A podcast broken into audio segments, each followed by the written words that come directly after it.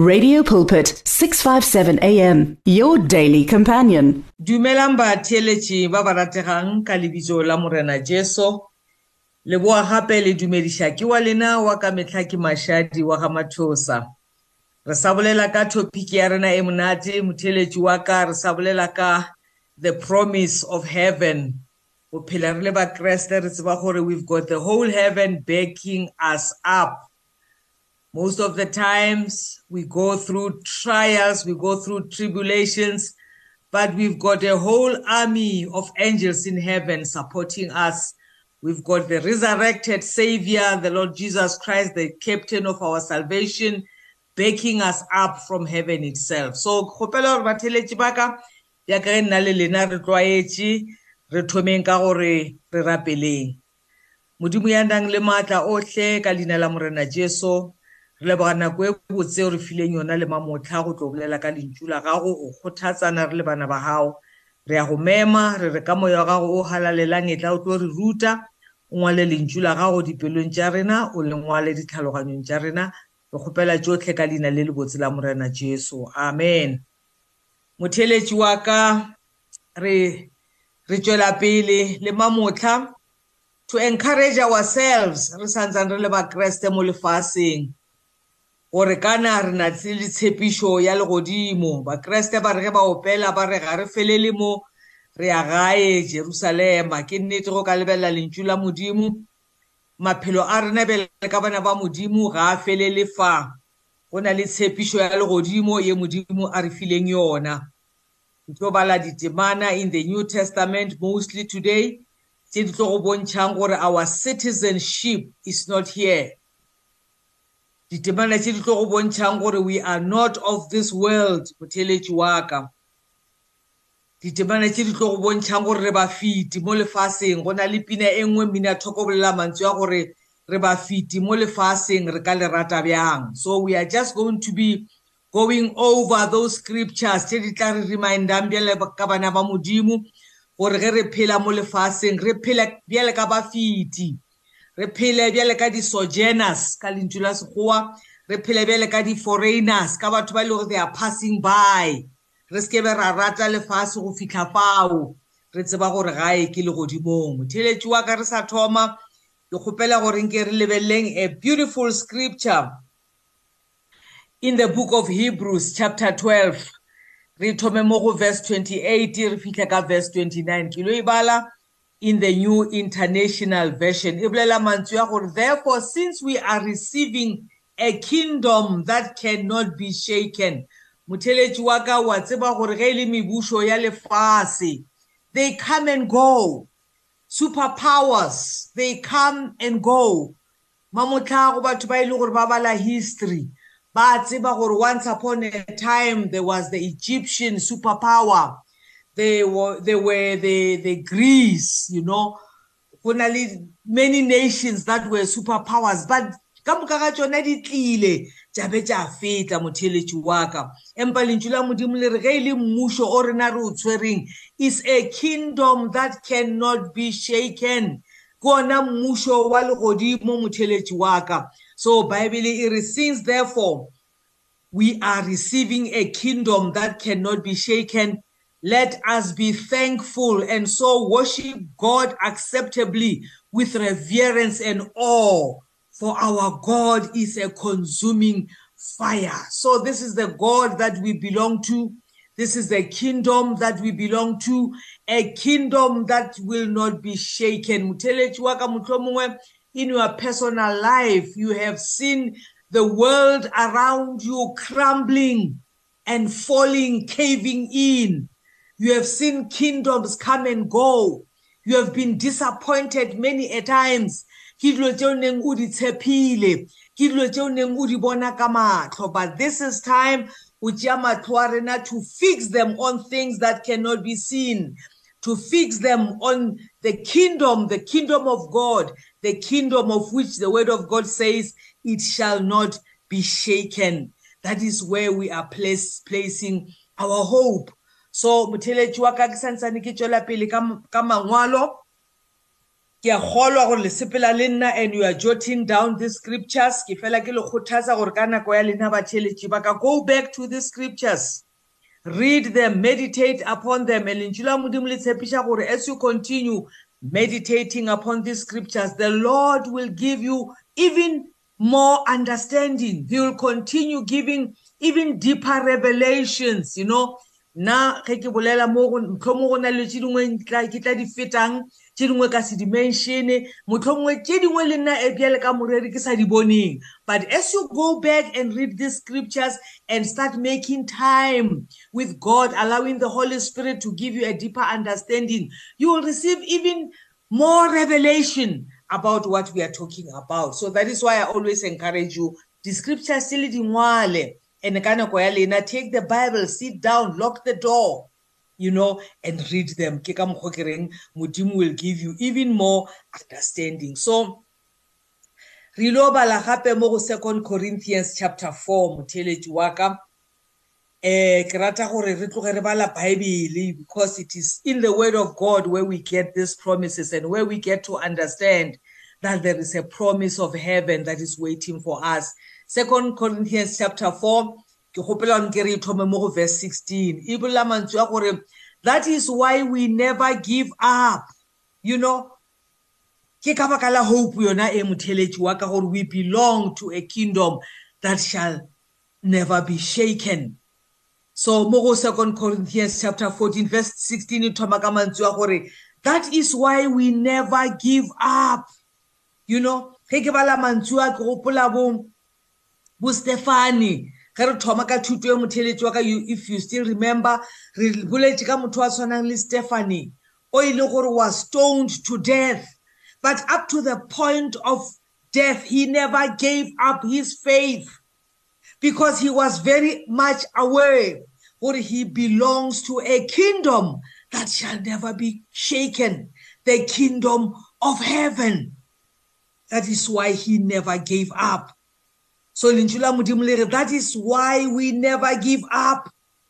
batho ba re lebeletse we are going through tr troubles we are going through persecutions we are going through trials but we never give up and they are asking themselves why ba go lebella after 5 years ba go lebella after 10 years ba kry e le gore you are getting stronger and stronger in your faith We never give up, Mutelechiwaka, because we've got a promise of heaven that has been given unto us. lentswe la modimo ge le tswela pele gona mo in that scripture that i gave you it, e even though our bodies are dying even though our bodies are becoming older and weaker it, e our spirits are being renewed our spirits are being made new every day Mutele Choka, that is the hope that we have. That is the faith that we have. le ge le gore ya gola like ke ne ke mentiona ke re nako e nngwe people look at you o le mokeresete for five years for ten years for fifteen o bone forty years o ntse o phelela morena ba bone le gore ebile o ba le tlhogo e tshweu o ntse o le mo moreneng o ntse o rera evangedi ba ya makala gore now why is this one not giving up we have seen her going through a lot of troubles We have seen her enduring tribulation and challenges in her on his life, but she's getting stronger every day, or he is getting stronger every day. Mutelitwaga is because, is because we have been given the promise of a kingdom that cannot be shaken. Your circumstances can shake.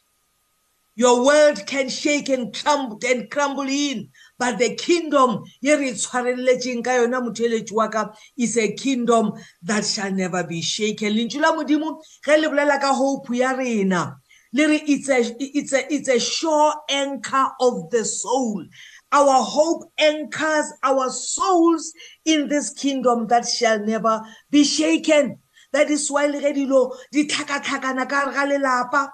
ge dilo di tlhakatlhakana mošomong ge dilo di tlhakatlhakana kerekeng we are never shaken because our hope anchors us to a kingdom that is meant never to shake. Bible, that is why we never give up. Though our bodies are dying and becoming older and weaker, our spirits are being renewed yena motho lo tlhakaneng le yena a le 5 years mo moreneng ma motho o tlhakana le yena a na le 40 years a ntse a sepela le morena jesu bible e re their spirits are being renewed every day hey tswela pele e re for our present troubles are small you know these tribulations these troubles that you see christians enduring re ntse re bala re kwa ka bakreste ba e leng gore in certain countries ba bolaiwa motheletši wa ka because of their faith in this kingdom that shall never be shaken ba bangwe ba tseelwa dithoto motheletši wa ka ba bangwe metse ya bona e a fišiwa motheletši wa ka but they continued to be strong. Their spirits are being renewed. They are being made new every day. It e is it for our present troubles those troubles that i've just listed mo bakreste ba fišetšwang metse mo bakreste ba kobiwang mešomong mo bakreste ba yang ba tlhakana le di-challenges tša mehuta ka mehuta bible e re those present troubles are small and they will not last very long let me help you ngwana modimo the troubles that you are going through will not last very long mohlomongwe you are going through a situation whereby o kubišitšwe mošomong lentswe la modimo le re those troubles are small and they won't last very long you are going through financial uh, tribulations financial troubles lentswe la modimo le re those troubles are small they won't last very long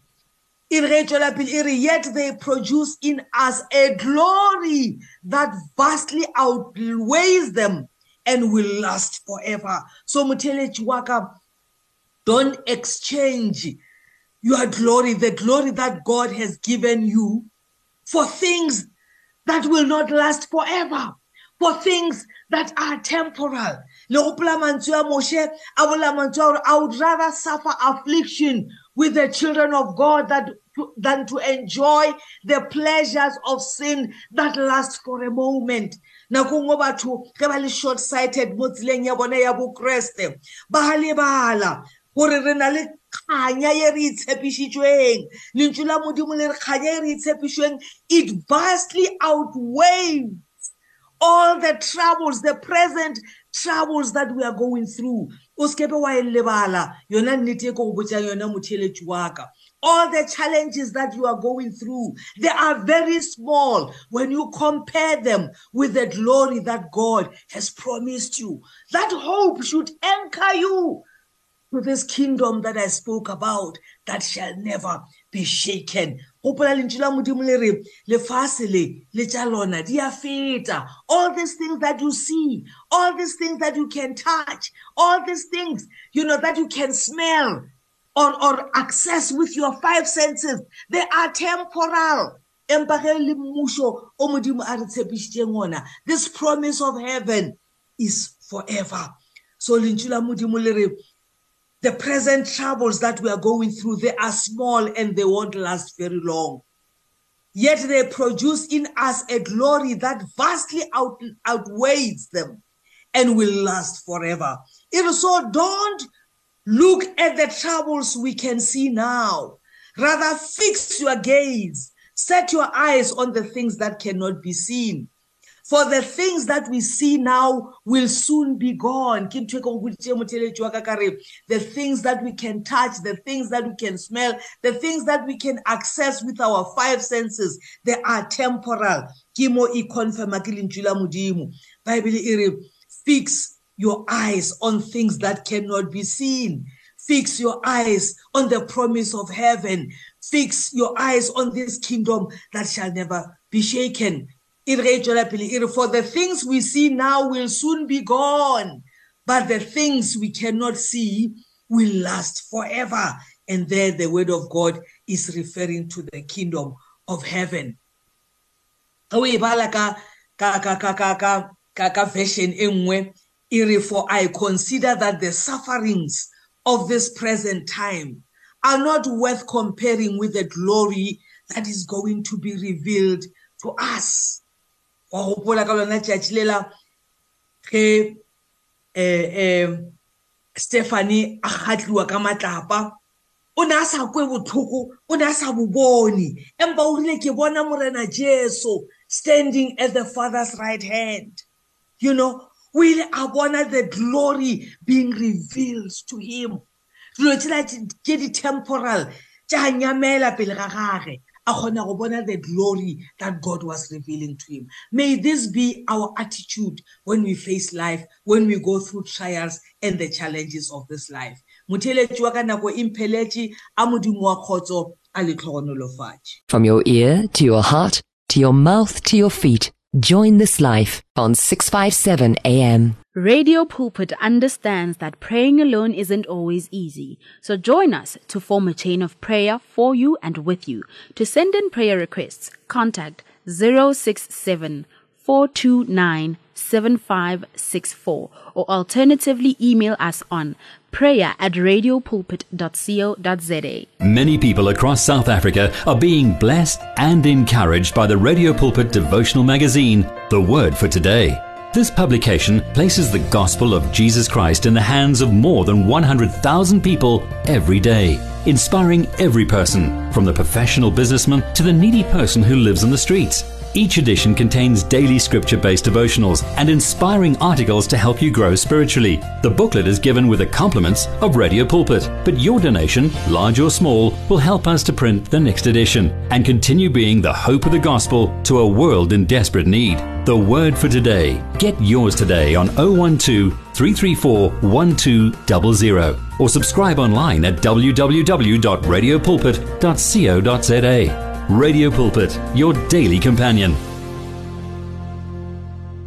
You and 657 AM and life, a winning team on the road to eternity.